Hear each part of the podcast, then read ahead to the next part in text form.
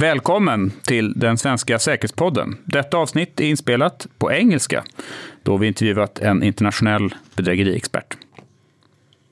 Welcome to the Swedish Security Podcast, where we interview leading experts to learn more about security issues with me, Carl Allerstedt, responsible for security policy at the Confederation of Swedish Enterprise. This is our very first episode, where we're focusing on fraud and how to detect it. Our guest is international fraud expert Nigel Iyer. Nigel, uh, welcome to, to our pod. It's a pleasure to have the opportunity to, to interview you, a leading fraud expert with experience from across the globe, topical with the book How to Find Fraud and Corruption Recipes for the Aspiring Fraud Detective, published by Routledge in November. You have previously published other books on fraud, risk, and prevention, and you're a fellow at the University of Leicester School of Management. And we had the good fortune of, of meeting at the fraud detection workshop you arranged for the Confederation of Finnish Industry, where you shared some of your thoughts. Thank you.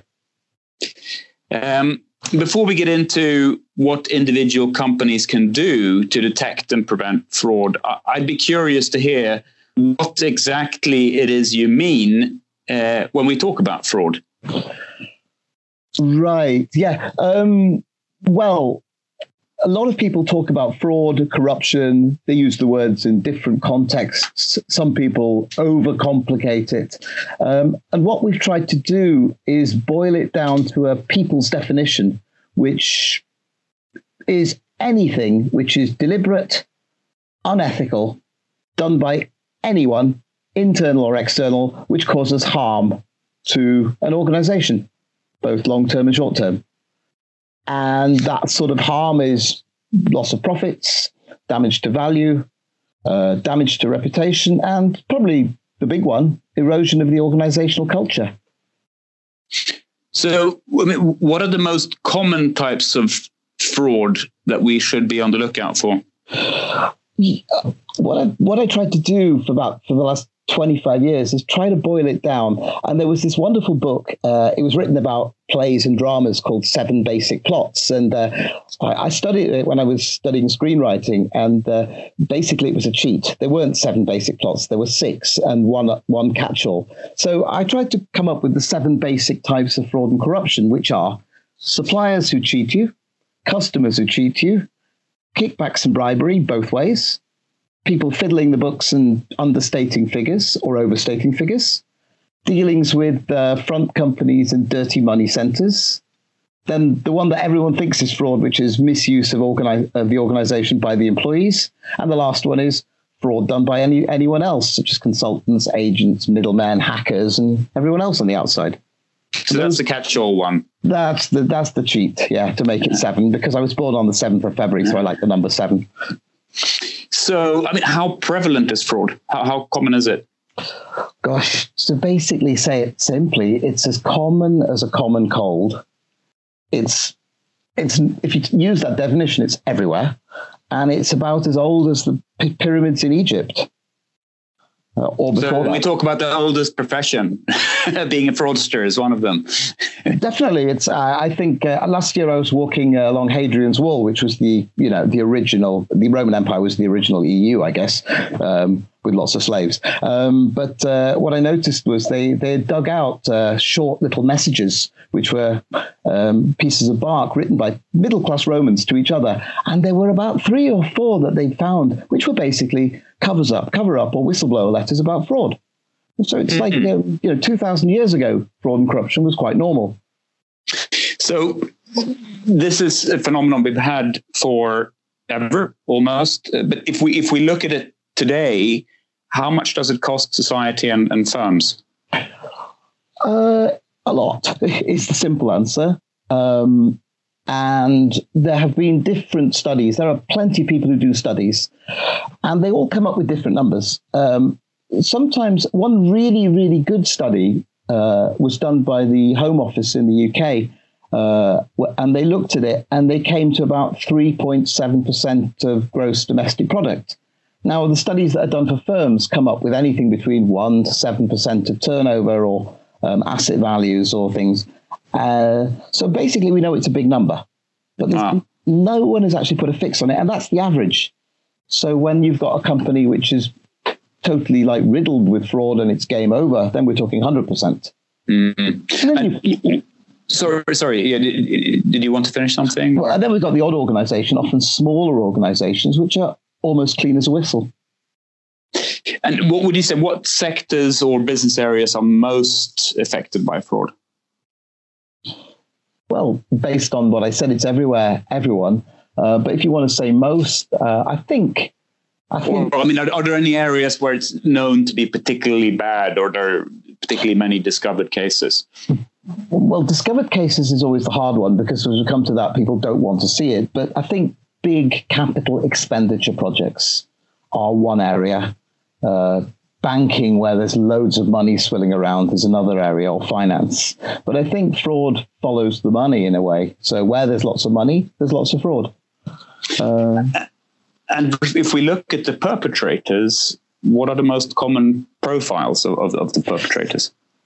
You know, loads of work has been done on profiling. You know, the old one 30 years ago when I started out as an auditor is look at the cars in the car park and see if the, the junior accountant is driving a Mercedes. I really don't go for that. I, I think it's a bit different. I think there are a few, and I can count on my hands the number I've met, uh, and not get to 10 corporate psychopaths. They're very, very, very few because most fraudsters are basically normal people like you and I who just rationalize what they do as okay and um, see themselves as good people. And there's been quite a lot of behavioral research. One of my colleagues, Veronica Morino, looks at rationalization and she's dug deep into it and looked at the work of the behavioralist Dan Ariely. And actually, basically, everyone is a potential cheater in some way. For example, people listening to this might say, There is a time I, I forgot to pay my train fare and never actually paid it afterwards. So, I mean, there is everyone at some point rationalizes that what they do is okay. And in terms of preventing fraud, you, you, talk about employees becoming or seeing themselves as fraud detectives. Can you describe this? What do you mean by fraud detective, and how does one become become one? Well, if I answer the last bit, everyone already is one. If you got a if you if you were getting an extension done in your house, your bathroom repaired, and your builder just before Christmas charged you an extra 5,000 krona for tools, you would suspect that they were trying to get their Christmas bonus somehow because you know that the tools were not given to you and you know they're just trying, trying to charge you a bit extra. So I think most people are actually got the capacity to spot fraud. The problem is when they work in the organization, um, we talk about red or blue glasses. They suddenly, instead of putting the red glasses on to say, let's be a little bit curious and skeptical. Instead, they put the blue glasses in to say, I assume that it must be okay. So actually, everyone is capable of finding fraud, but they don't always apply that when they're at work. So my idea that a fraud detective is that everyone already is one, but they just need that extra piece of motivation to say, let's protect our organization from harm.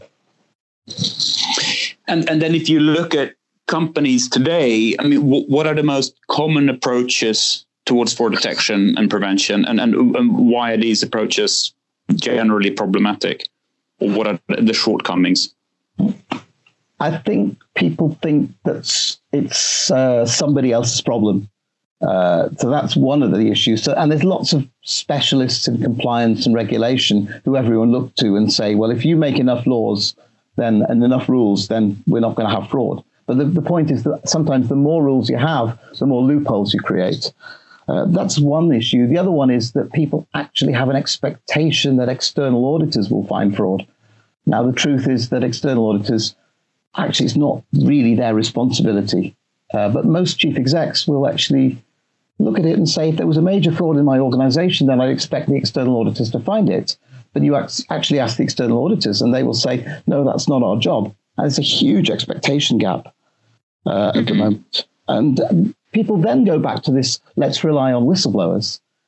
And uh, there really is a rather late in the day uh, way of doing it by saying, let's rely on someone to get so fed up that they're going to stick their neck out and probably not be believed in the beginning, um, like Cassandra in Troy. Um, I think that's a very late in the day thing. So the problematic thing is we tend to wait for the whistleblower. Uh, but I have seen a very positive change in Sweden, for example, mm-hmm. when people are realizing we have to find it ourselves. And what would be your key recommendations for a company that wanted to optimize its approach to detecting and minimizing the, the risk of fraud? Probably to instill a culture. This is coming on to something you may be ask about later, where management see finding fraud as good, finding fraud early and dealing with it responsibly and compassionately is good news. Whereas today's scenario is often, oh, we have fraud, this is bad news.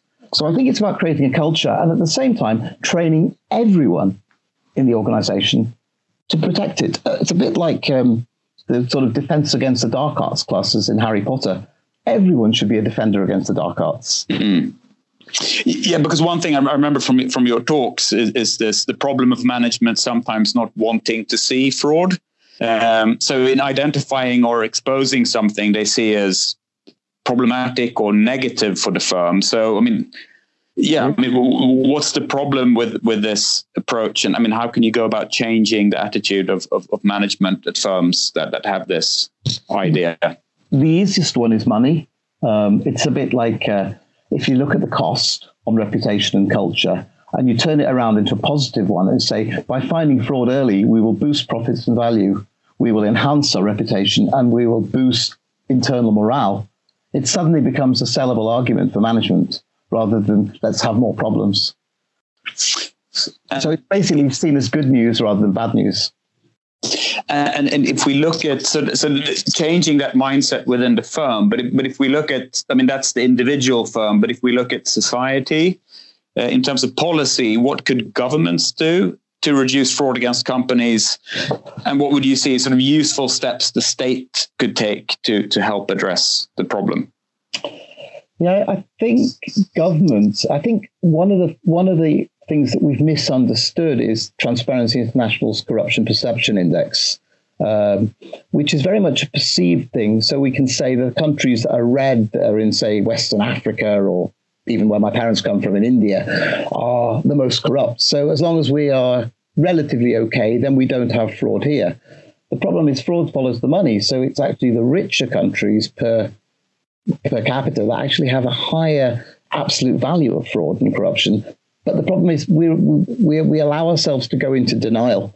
So I've heard some you know people leading lights in in countries which say they don't have corruption say at least we're okay.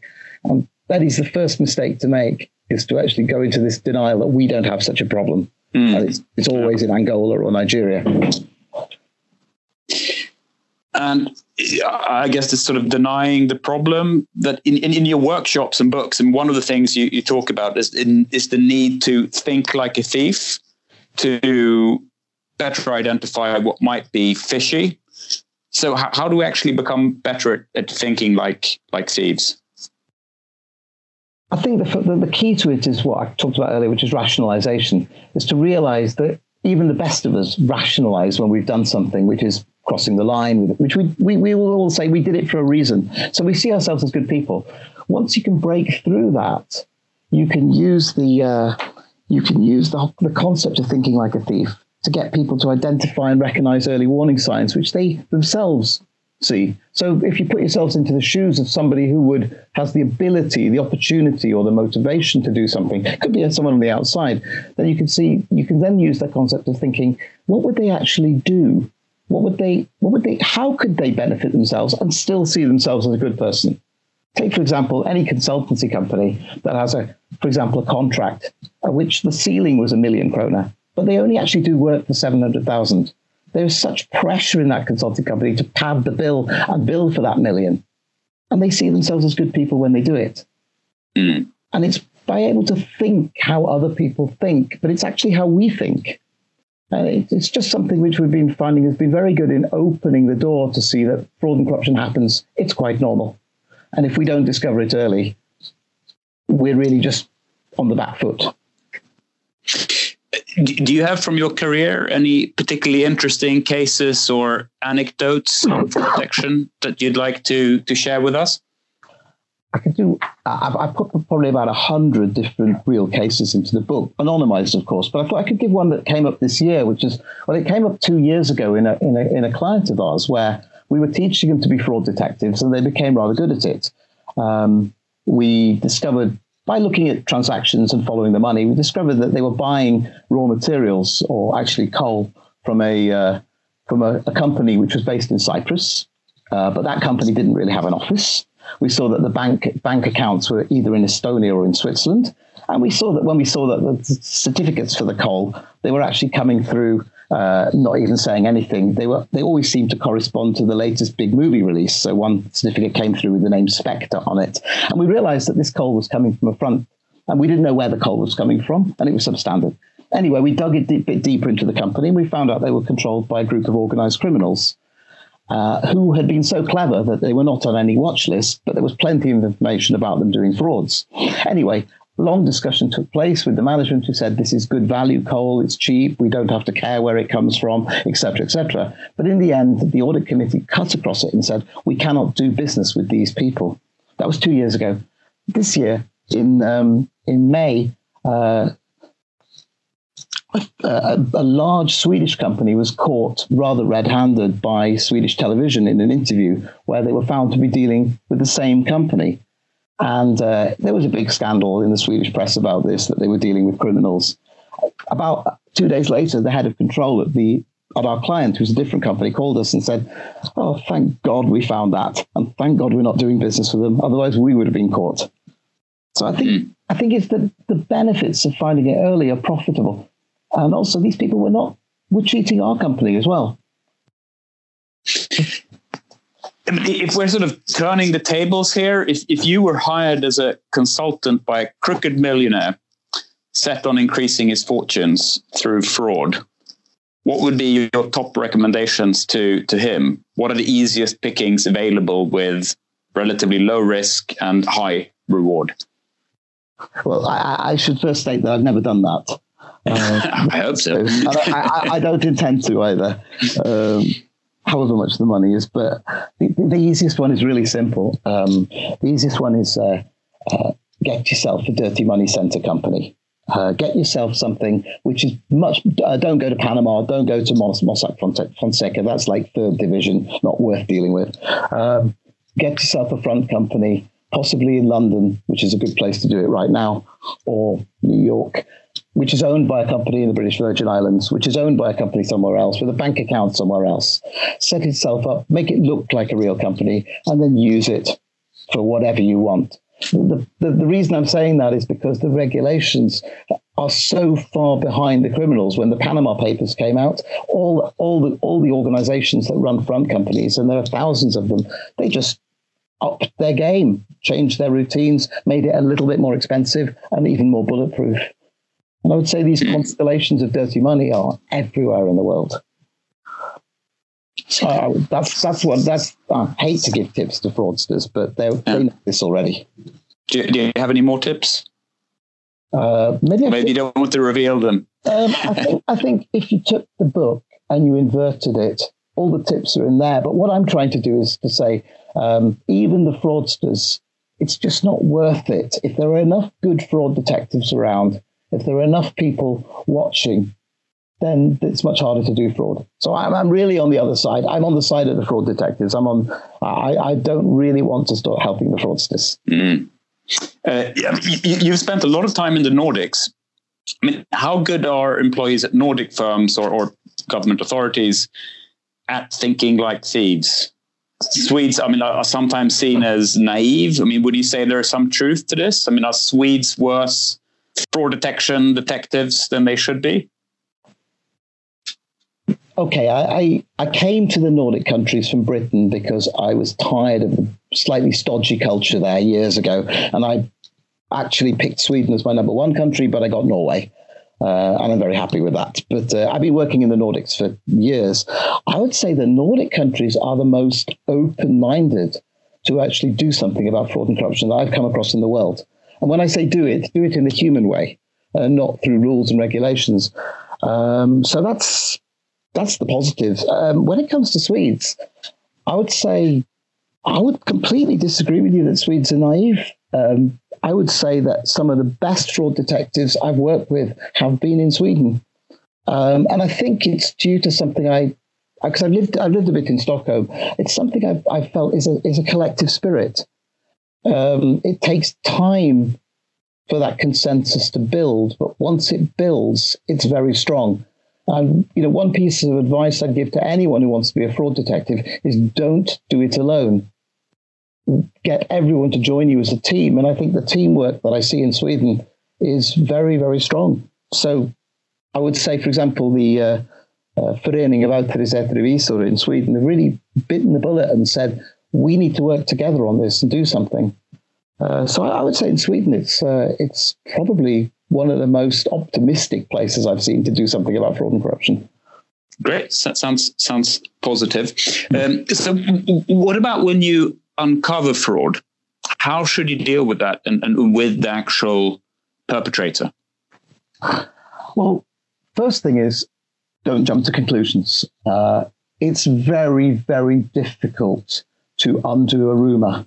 Um, actually, years ago, years ago, when I was working for SAS Catering at Manchester Airport, I was suspected of uh, stealing money and taken into a room by um, a Danish guy and interviewed.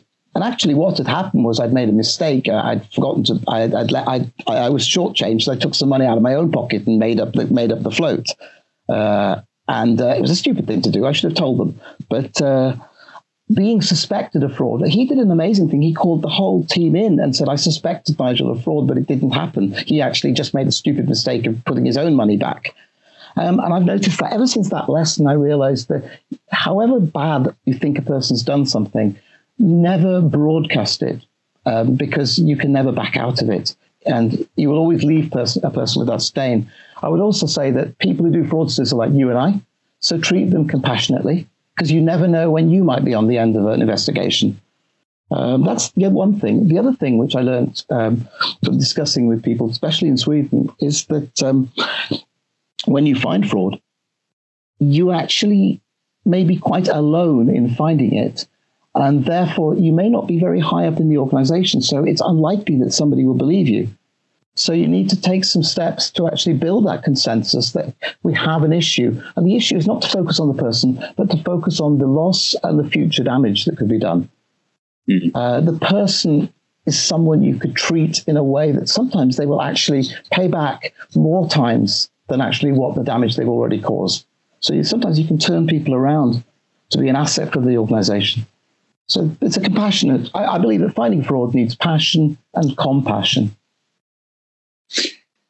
Many thanks, Nigel. It, has been really great talking to you, and we appreciate that you shared your your insights with with our listeners. Um, is there anything you'd like to add before we finish off? Any final tips or recommendations to, to our listeners? I don't. Other than everyone finding fraud is actually quite an enjoyable job. We all like watching detective series, and everyone can be a fraud detective. So I think you know sometimes the the lowly accountant in an organization thinks I'm just stuck in a hole doing my bean counting. No, you're not. You're a superhero. Great. No, super. Th- thank you so much, Nigel, Thanks, for your time. Nigel gave us many insights into fraud, but a key takeaway, which applies to more crimes than fraud, is how useful it is to think like a crook yourself. In the next episode, we will continue on the theme of fraud, but from a different angle, interviewing Police Commissioner Jan Olsson, who was involved in establishing the National Fraud Center at the Swedish Police Authority, and who's presently at the National Cybercrime Center. In that episode, we will focus on both cyber and fraud crimes. That episode will be in Swedish. Thanks for listening to the Swedish Security Podcast with me, Carl Allerstedt. I look forward to you listening again to the next episode. And if you like our podcast, please recommend it to friends and colleagues. Thanks again for listening.